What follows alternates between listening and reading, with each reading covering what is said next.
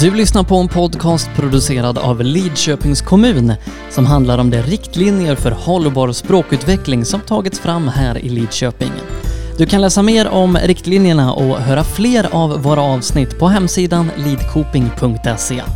Detta avsnitt görs i samarbete med Pia Håland Anveden som är gäst i dagens avsnitt. Sva, djeca, svi, jezici, svaki, dano.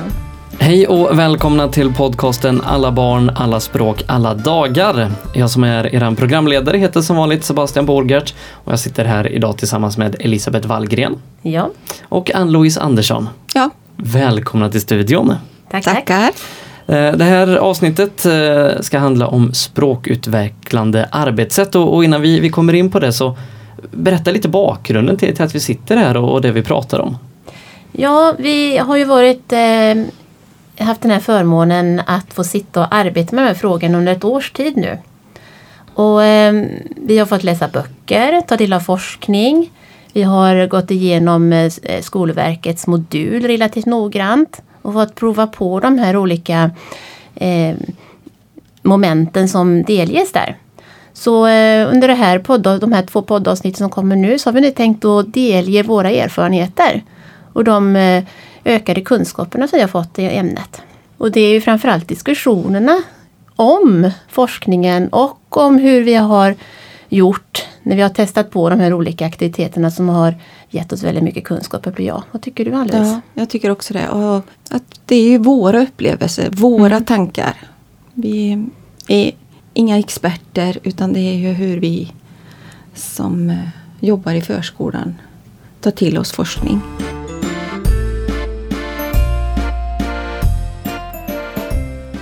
Vi ska nu få höra Pia Håland Anveden, förskollärare och beteendevetare som arbetat med flerspråkighet inom förskolan i över 40 år. Hon ska få beskriva vad språkutvecklande arbetssätt är och hur det ska realiseras i förskolan.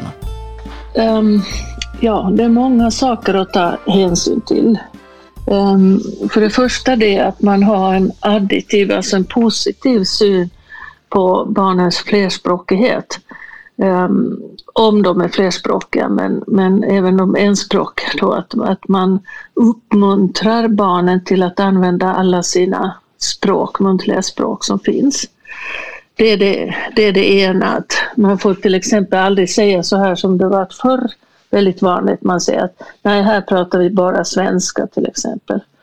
Ehm, för att det, det sårar väldigt mycket barnens identitetsutveckling. Och språket hänger ihop med identitetsutveckling. Så att en additiv och positiv syn till, till flerspråkighet är viktigt. Sen blir ju inte barn flerspråkiga eh, automatiskt. Eller enspråkiga barn, de utvecklar inte sin, sin språkutveckling automatiskt utan vi måste arbeta professionellt så att, så att eh, stimulera, för att stimulera barn. Jag brukar säga att man ska omge barnen med ord i alla situationer. Det är inte heller så att småbarn lär sig i samling eller genom kort eller någonting sånt här, utan de lär sig, lär sig att använda och höra ord som är viktiga för dem i, i den riktiga miljön så att säga. Så att i praktiken betyder det ju att ett språkutvecklande arbetssätt innebär att man i alla vardagens situation omger barnen med ord. Och eh, då, för att ta ett enkelt exempel, till exempel så brukar vi ju prata i ett rum till exempel om golv, tak, väggar och dörrar och fönster. Men det finns mycket mera i ett rum om man tänker efter. Det finns handtak, det finns karmar, det finns trösklar, det finns vägguttag och allt sånt där. Alla ord berikar och för barnens språkutveckling framåt.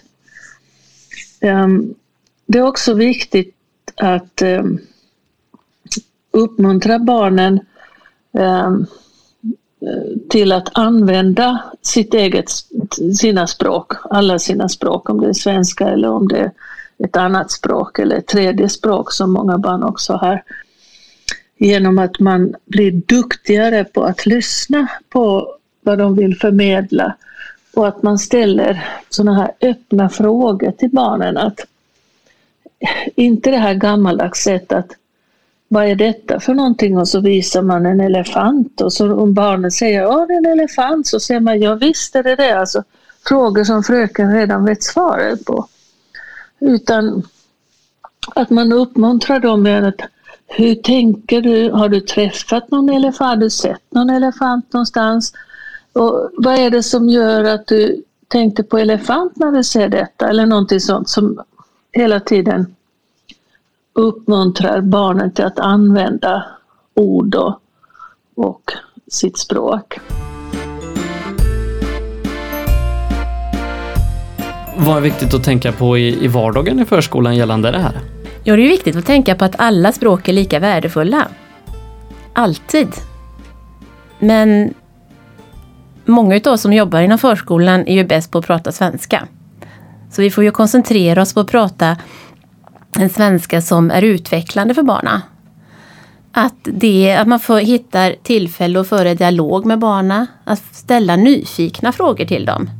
Och att inte förenkla språket och ställa korta meningar till barnen för att man upplever att de kanske inte har den eh, kunskapen i svenska. Men att man ändå ger dem många ord för många saker. Inte förenkla utan att man pratar om handfat och eh, kran och mm, handtag och ytterkläder. Man använder de här begreppen så de får med sig det. Och det handlar ju precis som du säger att för att hålla det, för att utveckla flerspråkighet är det ju beroende på hur mycket stimulans barnen får mm. på de olika språken. Mm. Och det som vi har pratat mycket om tidigare eh, när vi har träffats inom förskolan och pratat om flera språk. Att det här att man eh, visar att alla språk är lika värdefulla har väldigt stor betydelse. Och så kan man ju ta tillvara det som finns på Youtube. Det finns ju många bra länkar till musik, sagor som våra modersmålspedagoger har gett oss klartecken att de är helt okej okay mm. att använda. Att man tar till det som finns och visar att alla språk är lika värdefulla och har en medvetenhet när vi pratar svenska. Ja, att vi är nyfikna. Mm. För språk och identitet hänger ju nä nära samman. Mm. Därför är det jätteviktigt. Och därför kommer man ju in på det här med scaffolding, stöttning. Vi ska ju inte förenkla språket. Utan det handlar ju om att ge stöd. Vill du förklara ordet scaffolding? Ja, du har en scaffolding kan nästan beskrivas som en sån här byggnadsställning. Man ger mycket stöd när man behöver och sen plockar man bort det som man har lärt sig så man inte behöver stöttningen längre. Eh, man kan ju använda bilder, man kan använda tecken, man eh, pratar kanske tydligare, förklarar mer. Men allt eftersom man inte behöver den stöttningen så går man ju vidare. Då tar man bort den byggställningen lite grann och flyttar den till ett annat område. Mm. För eh, det, det, det, det, är ju alltid när man får lite för mycket utmaning som man lär sig som bäst. Man får ju ha en grund fast man får utmaning. Och så får man stöttning så man kommer och lär sig det. I riktlinjerna så skriver ni om kontrasterande språk. Vad innebär det? Ja, det är ju att man låter barnen jämföra och eh, titta på likheter och olikheter. Exempelvis kan det vara byxor. Man kan ta fram strumpbyxor, galonbyxor, jeans, tights. Och så titta på hur de ser ut, vad det finns för material. Titta på likheter och skillnader. Men eh, det kan också vara att titta på trianglar och se på olika trianglar. Man kan titta på vad som inte är trianglar till exempel en kvadrat och göra barnen medvetna om vad som utmärker, som särskiljer och vad som vi i vardagligt tal kallar då för trianglar. Men sen så kan man ju problematisera det lite och titta på liksidiga trianglar. Man kan titta på spetsiga, man kan titta på rätvinkliga.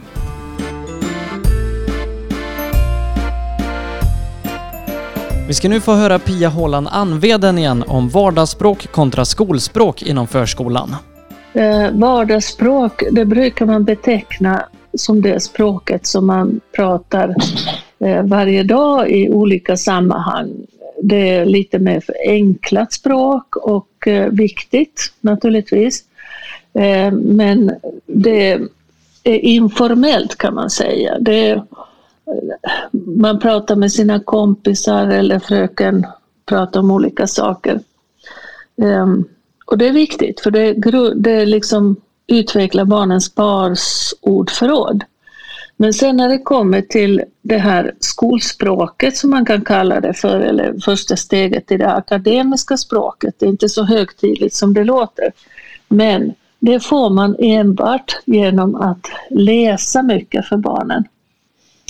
Eh, därför att texten i en barnbok är mer formell, den är granskad och det är ett första steg till, till det språket som barnen behöver för att kunna kläcka eh, läromedlets språk i skolan.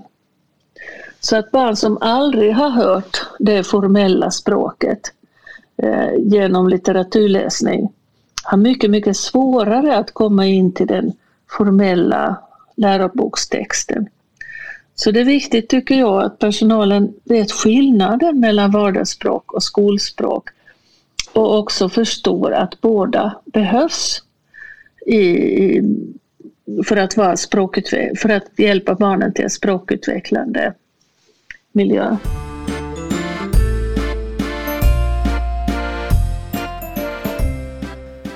Ann-Louise, eh, berätta lite om genrepedagogik. Mm.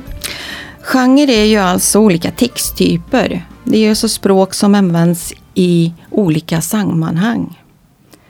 Och det här behöver barnen ha kunskap om.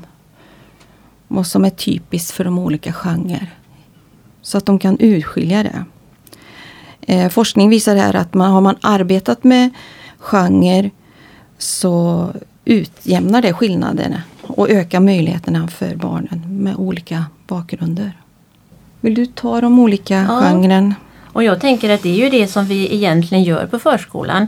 Vi, eh, så det är ju egentligen inget nytt. Men att man får en medvetenhet i hur vi använder olika genrer på förskolan. Till exempel så använder vi mycket återgivande texter. Men att man är medveten om att det här är en återgivande text och så utvecklar man det tillsammans med barnen och sätter ord på det. Eh, berättande är vi ju jättevana att använda i förskolan.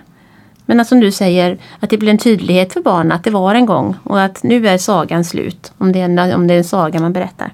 Och beskrivande texter, det är ju faktatexter. Och barnen kan ju också vara med och skriva faktatexter. Och tränas på att beskriva vad man upplevt. Mm. Alla genrerna har mm. ju egentligen en muntlig och en skriftlig del. Mm. Att man Träna först kanske på det muntliga men till att gå över till den skriftliga delen. Mm. Och sen har vi de diskuterande texterna, argumenterande texterna och diskussioner man får ha tillsammans med barnen. Och så är det de instruerande texterna, den instruerande genren. Eh, och det har vi ett, eh, när vi satt och diskuterade i gruppen så har vi ett gott exempel. Vi gjorde ju även olika moment. Och då har vi ett gott exempel på en av våra kollegor som eh, tog bilder för de allra yngsta barnen. För hur man skulle ta sig till grinden när man skulle gå ut i skogen. Och det blir en väldigt bra exempel på att man kan göra det med all, allra, allra yngsta också. Att man kan göra en instruerande text med hjälp av bilder. Eh, och jag tänker att i detta är det ju viktigt att man även får använda alla sina språk. Om man till exempel ska berätta något så det är kanske det viktiga att man får berätta. Och då kan vi nu med våra digitala verktyg, tänker jag, kanske spela in det barnet berättar och då behöver inte det nödvändigtvis vara på ett språk som pedagogen behärskar. Utan det kan ju bli en översättningsaktivitet sen att föräldern får förklara vad barnet har berättat. Det viktiga är att, att man får berätta, att man får beskriva, att man får förklara. Att barnet får vara med och använda alla sina språk, alla sina kompetenser, alla sina färdigheter. Jag gjorde ju en eh, uppgift då i våras med att jobba med genre. Eh, vi höll på med myran. Och vi hade ju gått till myrstacken och vi hade tittat på filmer om myran. Vi hade läst böcker om myran. Vi började med att, att eh, göra en tankekarta som vi satte upp och skaffade oss då eh, vad vi lärde oss om myran. som sen blev då till en som i slutet av terminen gjordes om till en faktabok. Men eh, då kom vi också åt eh, många av genrerna tänker jag. För i den återgivande är ju reflektionen som vi hade. Och det tycker jag att eh, jag vill slå ett slag för blädderblock eller att man har en lägger ut ett stort långt papper på hela bordet mm och ritar tillsammans med barnen. Gör det återberättande som en ritsaga. Sen kan man ta det här pappret och sätta ut i hallen eller tamburen till föräldrarna. Det, då blir det bilder, det blir ju det här scaffolding, det blir det här stödet som barnen kan ha vid återberättandet. Eh, och den beskrivande texten blev ju den här boken som vi då genom den här tankekartan som vi alltid fyllde på efterhand. Eh, och det diskuterande och argumenterande tyckte jag blev när vi, gjorde, vi ställde lite hypoteser.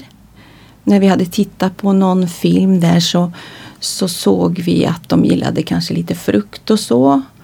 Och så testade vi olika eh, om de gillar kex, Mariekex eller äpplen. Och, och när barn får argumentera för sin åsikt är ju en del av den genren. På så sätt fick du in väldigt många genrer i samma aktivitet. Ja, jag tror att man kan jobba med alla genrer inom ett tema. Elisabeth, kan du berätta om språkprogression? Och det innebär ju att eh, man ser förskolan som en sexårig utbildning. Det gör vi ju många gånger nu. Att vi, det finns ju att man tänker sig en röd tråd i förskolan och så, fast vi kan utveckla det ännu mer. Att man tänker språket också som en sexårig utbildning där man lär sig det, från att man kommer till förskolan som liten tills man går, börjar i förskoleklass. Och att man får en utmaning där. Att man inte möter samma i sex år utan man får en utmaning. Att det blir en progression. Till exempel att man har vardagsspråket som är till de yngsta barnen att det vardagsspråket utvecklas men att man även får in ett skolspråk. Det kan mm. du berätta mer om Ann-Louise. Mm. Ja, att man går från vardagsspråk till att införa skolspråket, kunskapsspråk. Eh, men även att man tittar på lokalt språk, alltså det som vi pratar här och nu, det som händer framför oss. är också väldigt stor del av förskolan. Eh, behöver också utvecklas till att bli ett expansivt språk. Alltså det som händer bortom det som var igår eller mm. på förmiddagen. Eller, så att man inte, man har sett i förskolan att vi håller oss ofta till det här här och nu språket. Eh, sen är det ju det här med enkla meningar. Mm. Till att ha en strategi för hur vi arbetar med fullständiga meningar. Och sen att man har en tanke med böckerna. Mm. Och med sånger? Sånger, sagor. Att gå från enkla böcker till mer avancerat. Och det gäller ju hela tiden att man försöker, även om de allra yngsta barnen, ja, att man absolut. finns här och nu. Men att man försöker föra samtalet lite till nutid, återkoppla till dåtid. Mm. Även om det är svårt för lilla barnet, man, man, att man ändå hjälper dem att börja tänka så. Och det behöver inte vara något jätteavancerat. Det kan ju vara när man sitter och pratar vid måltiden. Att hade ni cyklar ute när ni var ute förut? Och när vi har ätit, då ska vi gå och sova. Men att man pratar om det medvetet så att barnet får vara med och tänka lite utanför här och nu. Vi ska åter lyssna till Pia Håland Anveden som ska berätta mer om vad litteracitet är för något. Ja, litteracitet, det är ju, handlar ju mer om, det finns ju många olika, eh, man kan säga, beskrivningar eller definitionen av litteracitet. Va? Men, men jag tycker att man kan ju enkelt säga det att det är en vana att hantera skriftligt språk i olika sammanhang och på olika sätt. Ehm, så att jag brukar säga att mina barn föddes med pennan i handen. Att de har vuxit upp, de har sett böcker i sitt hem, de har sett tidningar, de har sett mig och pappan att läsa. De skriver lister för att komma ihåg vad man ska handla i affären. De vet att papper och penna och tanke hör ihop. Det är så man grundar litteraciteten. Och det, att den skriftliga världen är ju det som vi behöver i framtiden eftersom vårt samhälle bygger på att, att alla har en djupare litteracitet än bara eh, att kunna läsa och skriva. Eh, Medan andra, många andra kulturer har ju mera baserat på muntlig kommunikation så är litteraciteten någonting som vi också eh, grundar i förskolan, redan i förskolan. Förhållningssätt till det skrivna ordet och till det lästa ordet. Berätta om kodväxling och transspråkande. Ja, alltså kodväxling har man ju använt eh, ganska länge. Um, och det betyder att, att barn använder sig utav att de växlar mellan olika språk eller kodord kan man säga. Att det är en bra strategi för dem att, att ta till när de ska kommunicera. Alltid, både kodväxling och transspråkande handlar om kommunikation. Um, man fyller alltså på ord från ett annat språk när man inte har tillräckligt ord i sitt, det språket som man använder. Till exempel, man säger att nu ska jag ta uh, that pencil, om man inte vet vad, vad, vad, vad penna betyder på svenska. Så det är kodväxling. Transspråkare är någonting som har kommit uh, de senare åren här som som inte är samma sak som, som kodväxling utan där ser man då att när barnen använder alla sina olika eh, muntliga språk, nu pratar inte vi om det här bildspråket och det, utan det muntliga språket, eh, så bildar det en helt eget, en helt eget språk. Liksom. Eh, så det här kommunikationsspråket kan bestå utav ord och uttryck från olika språk. Så där, vilket ord man använder från vilket språk, det har inte så stor, det har ingen betydelse egentligen. Utan det är att man når fram med sin kommunikation, det är det som räknas. Och eh, det här tycker man ju att, att det ska ju alla barn få lov att använda alla sina språkliga resurser i alla förskolans sammanhang. Tidigare så pratade man om någonting som kallas för halvspråkighet. Och det är just det att man tolkar det att barn använder ord från olika språk för kommunikation, att då behärskar de inte ett språk fullständigt. Och det har man kommit fram till i forskningen att det är helt fel. Situationen är tvärtom. Det är ett smart sätt att kommunicera det är ett smart sätt att använda alla sina språkliga resurser i alla sammanhang. Då börjar det här avsnittet av Alla barn, alla språk, alla dagar gå mot sitt slut. Det här avsnittet där vi pratat språkutvecklande arbetssätt tillsammans med Elisabeth Wallgren och Ann-Louise Andersson. I nästa avsnitt så ska vi prata metoder. Eh, och Elisabeth och Ann-Louise, stort tack för att ni har varit med. Tack. Tack.